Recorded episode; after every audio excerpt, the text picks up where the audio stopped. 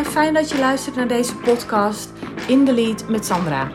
Ik ben dus Sandra en ik neem je elke twee weken mee in hoe jij meer in de lead kunt zijn in plaats van dat je het gevoel hebt dat je geleefd wordt. Jij hebt namelijk een belangrijke rol als leider van je bedrijf of in een bedrijf en ik wil je zoveel mogelijk bijbrengen hoe jij je persoonlijk en je professioneel leiderschap kunt versterken. Om er te kunnen zijn voor jouw team en voor je bedrijf om je bedrijf goed te laten draaien, moet je namelijk optimaal presteren zonder jezelf te verliezen of uit te vallen. Goedemorgen, goedemiddag, goedenavond of wanneer je dan ook maar deze podcastaflevering luistert. Hartstikke leuk dat je er weer bij bent en welkom bij deze uh, nieuwe aflevering. Vandaag wil ik het uh, met je hebben. En nee, eigenlijk ga ik gewoon een persoonlijk uh, verhaal vertellen. En ik zou het, zeg ik nu vast op voorhand, ik zou het heel erg tof vinden als jij daar naderhand ook um, ja, je, je feedback, je commentaar op zou willen geven. Of je daar een reactie op zou willen geven. Of je dat herkent. Um, of het je iets heeft gebracht, of het je een inzicht heeft gegeven, of wat dan ook. Wat voor reactie dan ook. Want Um, waar ik het nu over met je wil gaan hebben, gaat terug tot. Nou, even denk ik, ben nu. Um, nou, dat gaat meer dan 20 jaar terug. Ik ben uh, nu 45 en ik neem je mee naar het moment um, in mijn stageperiode. Ik heb een heel jaar lang stage gelopen bij het Algemeen Maatschappelijk Werk. En ik neem je uh, mee terug naar een moment waarop ik uh, te horen kreeg dat ik voor het eerst een heel cliënttraject helemaal in mijn eentje uh, mocht gaan begeleiden. En dit is, uh, was nogal een bijzondere uh, traject, want dit ging om twee personen. Er was namelijk overspel ehm, aan de hand in hun relatie. En ze wilden er ook allebei heel graag samen uh, uitkomen. En dit was een traject dat mocht ik uh, gewoon helemaal zelfstandig uh, gaan begeleiden. En ik loop de kamer in. Mijn stagebegeleider heeft me net bij me geroepen. En ik loop bij haar de kamer in. Ik ga zitten. En zij zegt tegen mij: Sandra, Jij mag nu voor het eerst helemaal zelfstandig je eigen traject gaan lopen. Met deze twee personen, dit koppel, dit stelletje. Jij gaat het traject lopen. Ik zeg tegen haar: Ik vind dit wel heel erg spannend om nu al zelf dit hele traject te gaan begeleiden. Het is namelijk niet één persoon, dit zijn er twee, dit is een stel. Ja, zegt ze. Dat geeft niet. Het mag ook spannend zijn. Maar ik heb alle vertrouwen in je. Nou, je zult begrijpen, ik voel me enorm gedragen. Ik voel me trots. Ik zweef bijna weer uh, haar kamer uit. En thuis vertel ik ook vol trots, met een grote glimlach op mijn gezicht, in geuren en kleuren, hoe dit gesprek met mijn stagebegeleider is gegaan. En hoe tof ik het vind om het vertrouwen te krijgen om mijn eerste eigen echte traject um, zelfstandig te gaan doen. En dit gesprek gaan we ook nabespreken. Het is wat mij betreft helemaal goed gegaan. Um, Natuurlijk had ik er een beetje uh, de bibbers van, maar dat is vrij normaal als je iets uh, voor het eerst geheel zelfstandig doet, zonder backup, zonder achtervang enzovoort. Nu, tijdens dat ene uurtje, moest het voor mij gewoon uh, gebeuren.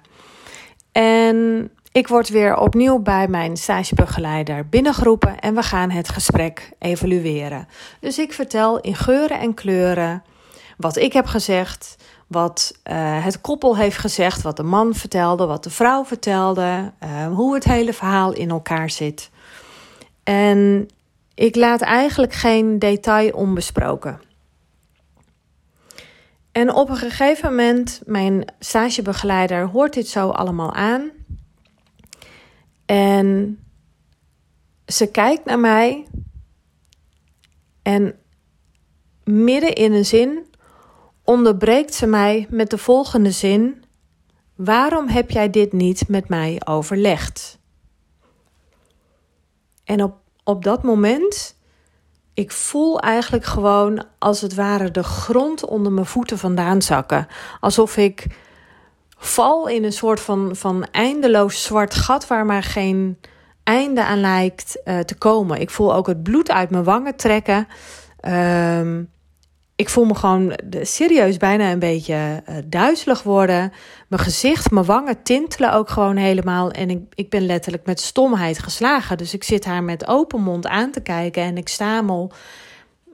Maar dit hebben we toch afgesproken? Ik zou dit zelf gaan doen. Ja, maar waarom heb jij dit niet met mij overlegd? Nog een keer. Ik, maar ik zou dit zelf gaan doen ik wist gewoon echt op dat moment niet meer hoe ik moest reageren en wat ik moest uh, zeggen. En het feit dat zij mij um, enerzijds het vertrouwen gaf van ga maar zelf um, dit gesprek voeren, dat kun jij.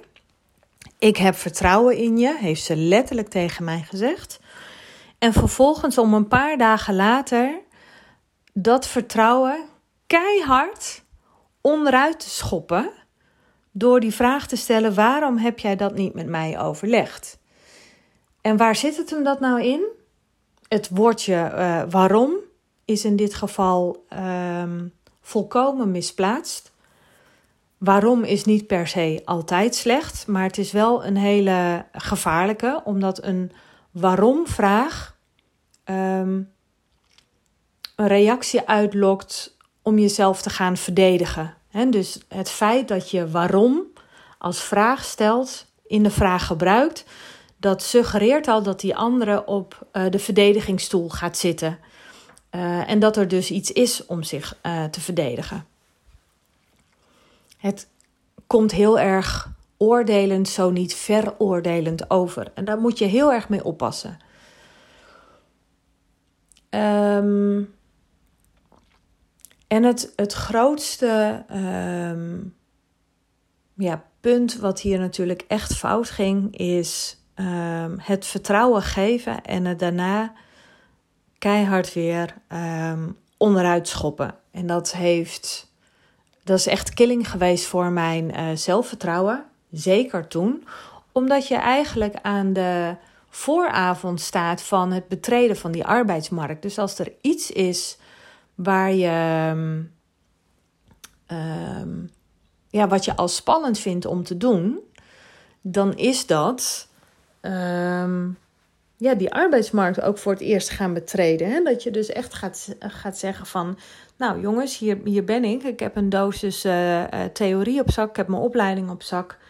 En ik ga nu aan het werk. En ik deed natuurlijk niet zomaar werk. Ik heb met mensen te maken.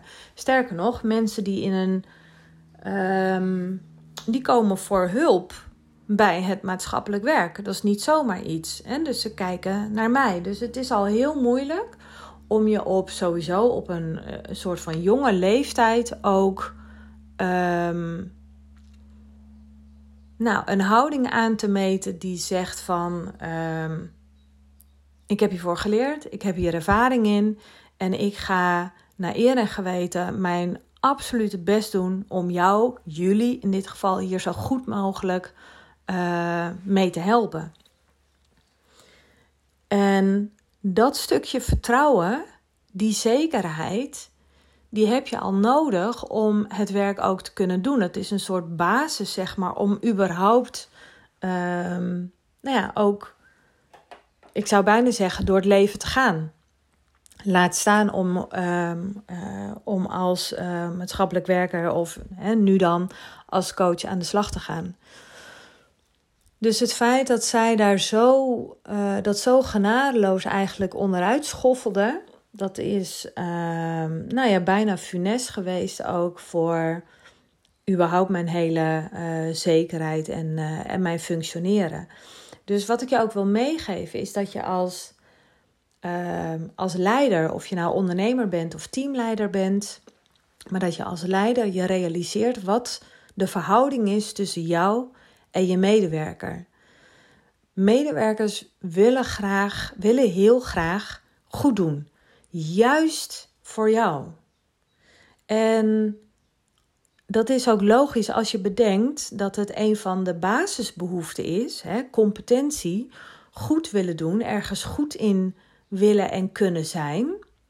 En omdat je natuurlijk binding hebt met uh, nou ja, het bedrijf, de werkgever, maar ook met jou als leidinggevende, maakt dat lijntje tussen die binding en die competentie gewoon nog een keer een tandje sterker. Het is niet zomaar iemand waar je goed voor wil doen en waar je goed je best voor wil doen. En waar je naar aan wil laten zien dat je ook ergens goed in bent. Nee, het is potverdikkie. Uh, nou ja, de baas. Hè? Even tussen aanhalingstekens. Um, dus natuurlijk willen medewerkers aan hun leidinggevende zien van uh, kijk wat ik kan, kijk waar ik goed in ben. En die zoeken toch naar dat kleine stukje um, bevestiging. Zijn ze dan aan het vissen naar complimenten? Nou ja, zo platgeslagen hoef je het ook niet te beschouwen. Maar weet wel dat um, medewerkers wel degelijk, net zo goed als dat jij, ook op zoek bent naar die bevestiging in die basiscompetentie of in die basisbehoefte van competentie. We willen als mens allemaal ergens goed in zijn en daar ook om gewaardeerd worden. En een uitspraak dan doen als waarom heb je dat niet met mij overlegd? Wat in één keer uh, dat vertrouwen, die, die stoelpoten van vertrouwen onder iemand wegzaagt en, en, en dat dat uh, onder je vandaan klopt. Dat is natuurlijk alles behalve vertrouwen krijgen en gewaardeerd worden voor datgene waar je goed in bent. En dat is echt iets wat ik je als, uh, als leider ook echt op je hart wil drukken. Wees je bewust van uh, die positie die jij hebt ten opzichte van jouw medewerkers en de impact die jouw woorden kunnen maken, zowel positief als negatief. En op het moment dat je die waarde van, van jouw woorden en van jouw positie uh, goed realiseert, dan wordt het voor jou ook veel logischer en duidelijker hoe jij op die verschillende basisbehoeften van jouw medewerkers uh, kunt acteren, hoe jij daar invloed op uit kunt oefenen. En dan ga je zien wat voor soort vliegwiel je eigenlijk aanzwengelt en wat jij met jouw leiderschap, met jouw manier van leiding geven, voor invloed en impact kunt maken op jouw medewerkers. En natuurlijk ook um, op je bedrijf. Want en dat, dat vliegwiel, de, vliegwiel, er wordt gewoon iets aangezwengeld.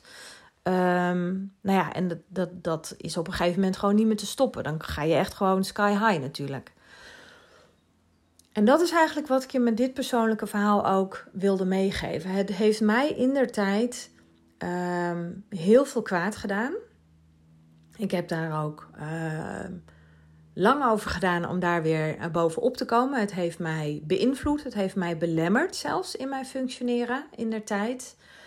En um, dat kost ook tijd en uh, heel veel goed leiderschap om daar weer, om weer dat zelfvertrouwen zeg maar, op te bouwen. En um, je hebt meer van die positieve ervaringen nodig om één zo'n negatieve ervaring um, ja, te, doen, te doen uitgummen, zeg maar. Hè? Een beetje weg te poetsen.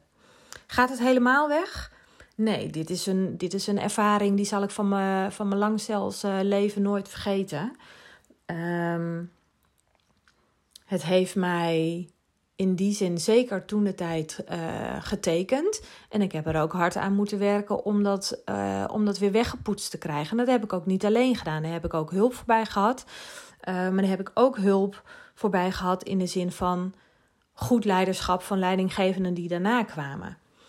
Um, en het, ja, toffe in mijn geval is natuurlijk, ik heb er ehm, door opleiding en um, zelftraining, maar ook zelfcoaching ondergaan. En door ook weer te gaan doen, ben ik dat natuurlijk uh, overeengekomen. En inmiddels is het ook, hè, tijd hield dan ook een hele hoop. Inmiddels is het uh, 25 jaar geleden.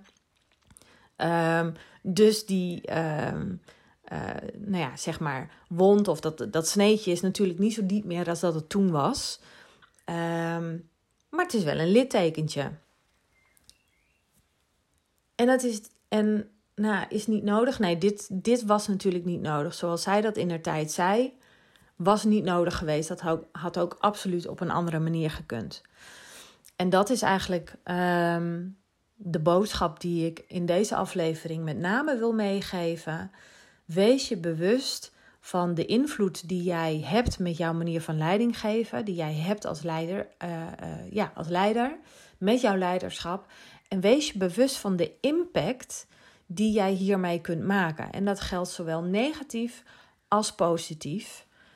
En nou ja, wat mij betreft is het een no-brainer als je weet dat het ook ten negatieve is, maar ook ten positieve, dat je dan natuurlijk gaat voor dat positieve. Um, dus dat je met je manier van leiding geven positieve invloed kunt uh, uitoefenen op die um, basisbehoeften die we allemaal hebben als mens. Dat geldt voor mij en dat geldt voor jou, dat geldt voor jouw teamleden. En hoe je daarmee de impact kunt maken. Nou, ik ben heel benieuwd of jij hier um, een reactie op uh, kunt en wilt geven. Laat dat vooral ook eventjes weten. Um, misschien heb je zelf ooit zo'n ervaring uh, meegemaakt en heeft jou dat ook wel voor een deel uh, misschien ook gevormd. Ik ben heel benieuwd hoe je dat dan ook, um, nou, zo'n soort ervaring ten positieve hebt weten in te zetten en hoe je daar uh, gebruik van hebt gemaakt om nou, bijvoorbeeld een betere leider te worden. Dus zou super tof zijn als je hierop wilt reageren. En um, spreek ik je heel graag de volgende keer weer. Dag!